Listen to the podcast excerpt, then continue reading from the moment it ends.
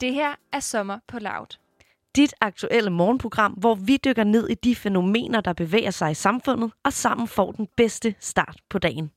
Dine værter i dag er Amalie Søderberg og Isa Naja Buhl. Vi har jo her hos Sommer på Loud fokus på at inspirere dig til at have den bedste sommer.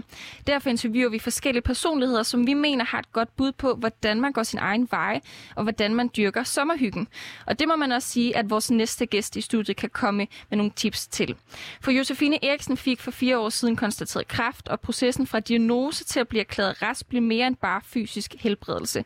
Det bliver nemlig også startskud til hendes spirituelle rejse, for spiritualiteten fylder meget i hendes hverdag, og den er også godt i gang med at blive basen for hendes kommende klinik, hvor hun vil tilbyde holistiske behandlinger. Vi skal i dag høre Josefine om, hvordan hun fandt lyset i den ellers mørkeste krog, da hun fik konstateret kræft, og vi skal høre, hvordan hun bruger spiritualiteten til at få en bedre hverdag og ultimativt et bedre liv.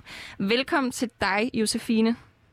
Tusind tak, Amalie, og tak fordi jeg må få lov til at være med. Selvfølgelig, det er skønt, du vil. Og først så vil jeg høre, om du ikke lige kan fortælle os din historie fra da du fik konstateret kræft og processen til at blive rask? Jo, det kan du tro. Jeg prøver lige at sætte scenen, så man lige kan fornemme, og vi er tilbage i december 2016, mm. øh, hvor jeg skal til mit første lægetjek, fordi jeg egentlig har ondt i højre side ud af øret. Øh, og på det her tidspunkt har jeg ikke interesse for det spirituelle arbejde, faktisk i helt andre baner. Øh, og det er ved dette lægetjek, at mit første møde med min mavefornemmelse opstår. Det er i hvert fald først her, man kan sige, at jeg begynder at lytte. Og øh, vi er faktisk til fire forskellige lærere, hvor vi får at vide, at der er ingenting, men øh, det er her, jeg mærker, at min krop begynder at tale til mig faktisk for stridt imod. Mm. Og øh, vi mærker meget, at vi skal reagere.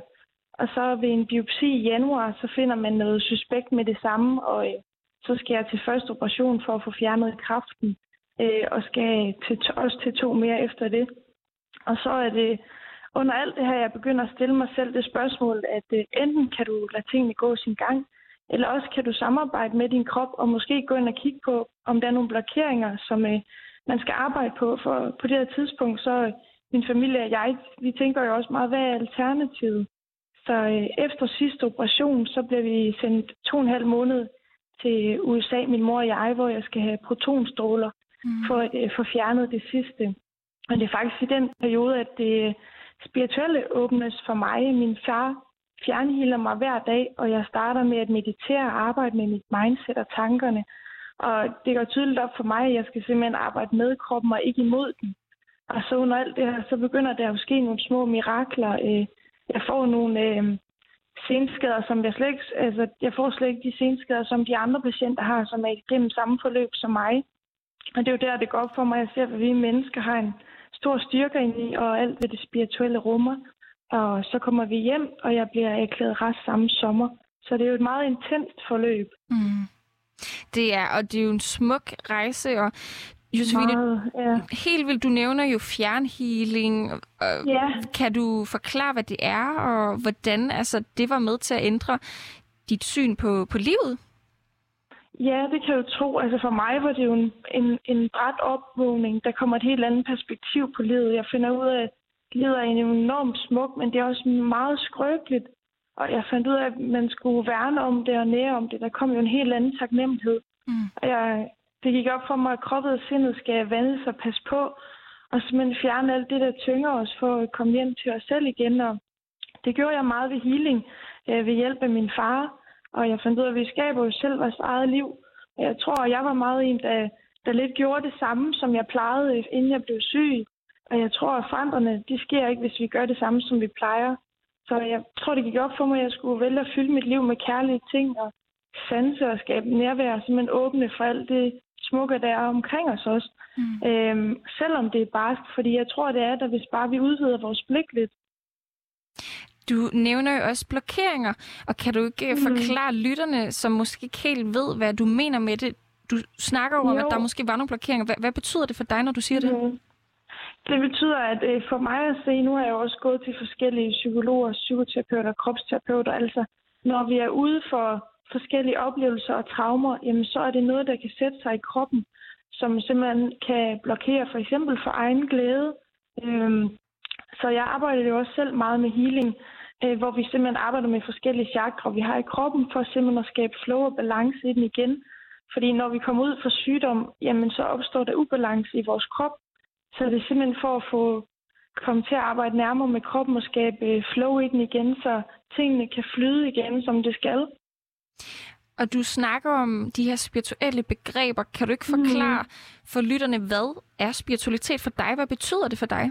Jo, jeg tror jo, det er meget individuelt, så jeg kan jo kun tale ud for mig selv, men for mig betyder det, at man arbejder med sin energi og sin sjæl. Vi er alle sammen en sjæl, og jeg tror på, at alt omkring os er energi. Altså det, vi sender ud og har fokus på, det er også det, vi tiltrækker mere af. Og så tror jeg også, øh, at der er noget større end os selv og en større mening. Og så handler det for mig også at leve et liv i flow med meget med tillid til universet, og det her med, at krop og sind hænger sammen, og simpelthen det med at tørre at stå i lyset, og stå med, det, med alt, hvad man er, og hvad alt det måtte indebære. Og den her tillid, som du snakker om til livet mm. og til dig selv og til dem omkring dig, hvordan anvender du den sådan rent praksis i, i din hverdag? Mm, jamen, øh, det starter, jeg starter egentlig min dag med at meditere, det gør jeg hver dag, og så skriver jeg taknemmelighedsdagbog.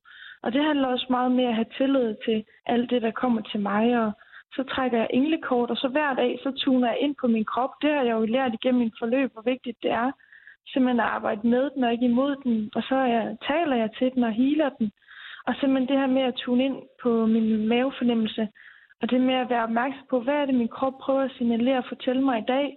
Og så prøver jeg at modtage den med kærlighed, og, og, jeg, og jeg oplever, at kroppen og sindet resonerer med mig. Altså når jeg arbejder med den, så, så, vil, så fortæller den mig også mere, hvis det for eksempel... Jeg bruger den jo meget, om jeg skal gå den, den ene retning eller den anden retning. Og der kan jeg både bruge englekort, øh, men også øh, kroppen, som øh, der signalerer til mig. Ligesom det med, at jeg fik ondt i maven med i forhold til lægerne der. Mm. Og hvis folk lytter med og tænker, hvad er englekort, vil du så ikke forklare, hvad de er, og hvordan du bruger dem? Jo, det kan du tro. Øh, det er nogle forskellige kort, hvor der er nogle smukke budskaber på, og så øh, kan man bruge sin intuition til, at jeg bladrer lidt i dem og lægger dem ud på bordet, og så øh, trækker jeg det kort, jeg føler taler til mig. Og nogle gange så kan jeg stille mig selv spørgsmål. Hvad skal der ske i den her periode? Er der noget, jeg skal være opmærksom på? Eller er der nogle ord til mig? Og så, øh, så trækker jeg det, og så kommer det for mig, mit vedkommende i hvert fald, alt det, jeg lige har brug for, at jeg får svar på. Så jeg bruger dem som en, en smuk guide. Mm. Du nævner også det her med, at du tuner ind på din krop. Det lyder mm-hmm. jo virkelig fint, og jeg tænker, der er mange, der godt kunne bruge det, fordi vi lever bare mm. i, i en hurtig hverdag. Men hvordan tuner ja, man ind på sin krop? Skal man, altså, sidder man bare og mærker efter, eller hvad gør man? Ja, altså, jeg, jeg har en lille stol hjemme hos mig, hvor jeg har et lille rum. Så sidder jeg mig i stolen, og, og så kan man jo høre lidt dejlig meditationsmusik, og man begynder at mærke, og øh, jeg plejer at have hånden på ma- den ene hånd på maven, og den anden ved min brystkasse. Og så simpelthen tuner ind på, at jeg er ked af det i dag, og så måske spørge sig selv, jamen, hvad handler det så om for mig? Og tit så har vi jo alle svarene inde i os selv. Så det er egentlig bare at være lidt søgende på kroppen, øh, og hvad vi egentlig har følelser inde i. Mm. Måske prøve at dykke lidt dybere, end hvad man nu ellers vil gøre. Normalt vil man måske sige, jeg har ondt i maven i dag, mm, og så går man bare videre med sin dag. Så det handler egentlig bare om at stille ind på sig selv og sige, jeg har ondt i maven i dag. Lad mig lige undersøge, hvad det egentlig kunne handle om for mig. Mm, så lidt mere med på en kærlig måde at analysere, hvad der egentlig mm. sker. Ja. ja, nemlig. Det giver rigtig god mening, Josefine, og jeg fandt det jo igennem Instagram, hvor jeg blev ret yeah. fascineret af dit budskab og intention, mm-hmm. hvor man, man, jeg kunne i hvert fald mærke, at du dyrker den her spiritualitet meget. Hvordan kan yeah. det være, at du har valgt at dele det på sociale medier? Jamen altså, jeg har jo den min profil Mindfulness Livsstil, hvor jeg deler ud af spiritualitet og indre ro, og det her med selvkærlige handlinger. Jeg prøver at skabe en platform for unge kvinder, der har manglet et sted, som jeg egentlig, der har brug for et sted, som jeg egentlig selv har manglet. Min intention er at dele redskaber, som man kan bruge i sit eget liv. Øh, for eksempel det her med, hvordan man taler til kroppen, skaber tillid til kroppen og arbejde med at skabe indre ro og taknemmelighed og mindset. Og budskabet er egentlig bare at leve et liv mere i kærlighed og, og tillid. Mm. Du siger, at du gerne vil dele nogle redskaber til dine følger. Mm. Er planen, at spiritualiteten også skal være en del af dit arbejde? Ja, det, det er det i hvert fald. Jeg, jeg tror, jeg har efter mit forløb, jeg føler, jeg har fået en gave, og hvis man har fået en gave, så forpligter det, og min erfaring blev min gave. Mm. Og det gav mig en eller anden form for livsmission, livsvej. Og det er simpelthen gået op for mig, at jeg simpelthen skal kærligt vejlede og guide andre mennesker. Jeg ønsker jo at skabe et smukt og powerful fællesskab igennem mit Instagram. Og så på et tidspunkt vil jeg jo rigtig gerne øh, lave nogle sharing circles, nogle healinger, en-til-en samtaler og øh, guidede meditationer og måske nogle retreats engang, hvis det kan lade sig gøre. Jeg tror jo på, at man skal drømme stort. Ja, og retreats, bare lige for at være sikker på, at alle mm. er med, det er vel, hvor der er flere mennesker, der mødes øh, om, om noget ja, fælles, det ikke? i hvert fald. Ja. Jo, det er hvor fælles øh, ligesindet i forhold til det spirituelle, eller hvis man bare har en lille interesse, en interesse for, at det kan mødes, og man kan snakke, og så vil jeg jo hele og guide med meditationer og så videre. Mm. Så Josefine, kan man sige, at det, der egentlig startede med en rigtig forfærdelig, at du fik kræft, faktisk har givet dig et større sådan, formål med livet? Ja, det synes jeg, man skal jo ikke tage fejl af, at der ikke er hårdt af. Dem er der jo stadigvæk. Jeg har bare valgt at tage et formål ud af den livserfaring. Mm. Jeg tror, at vi alle er kommet til med en eller anden form for livsopgave. Alles er jo forskellige. Og min blev bare meget klar og tydelig for mig. Den har i hvert fald åbnet mit blik og min bevidsthed for en større mening med livet.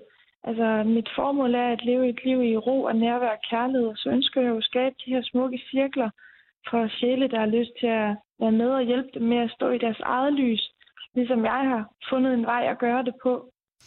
Du nævner ro og kærlighed og nærvær som mm. nogle ting, der er vigtige for dig. Har du nogle ja. andre ting, du kan dele ud, som, øh, som vil hjælpe folk, der måske sidder og dealer med en hård sygdom lige nu? Mm.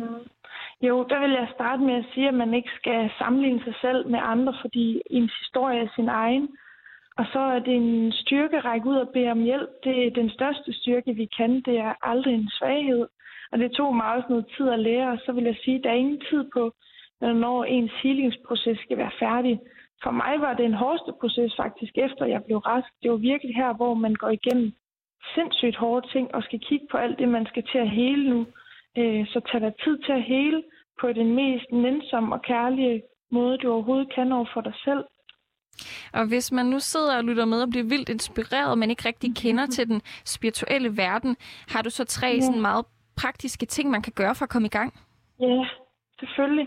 Der vil jeg sige, at man skal starte med at prøve at meditere. Det behøver ikke være mere end fem minutter. Det kan også lade sig gøre. Og så øve dig i at lytte til din mavefornemmelse. Og jo mere du lytter til den, jo kraftigere bliver den også. Og så bliver den tydeligere og tydeligere for dig. Så vil jeg sige, læs nogle spændende spirituelle bøger og skab dig sådan en naturlig interesse. Og Louise Hay har nogle fantastiske bøger, hvis man øh, skal starte et sted. Og du nævner at du har fundet nærmest dit purpose, altså et større formål. Mm. Yeah. Vi, vi har meget fokus her hos Sommer på Loud øh, med at, ligesom at finde ud af, hvad man gerne vil, og vi snakker også om sabbatår, yeah. hvad man skal gøre. Mm. Og det behøver ikke at være sådan en til livsformål, men hvordan Nej. finder man et formål med der, hvor man er lige nu, vil du mene? Mm. Jamen, jeg tror jo, det er meget individuelt, hvordan man finder sin mening med livet, og det lyder lidt kliché, men jeg plejer at sige, at målet er ikke vejen, men vejen derhen. Altså, det er faktisk vej på vejen, at vi finder vores mål. Og jeg fandt jo igennem min livserfaring. For jeg tror jo, de er med til at skabe os, og den vejen for det menneske, vi bliver, er øh, med tro og tillid på livet. Fordi altså for mig i hvert fald, så uden tro, så mangler der også lidt en mening. Jeg har brug for at holde fast i noget. Øh, og troen på livet vil mig det godt. Øh, og så tror jeg nok, at meningen skal komme helt af sig selv. Mm. Øh, jeg tror ikke, vi kan forsere den.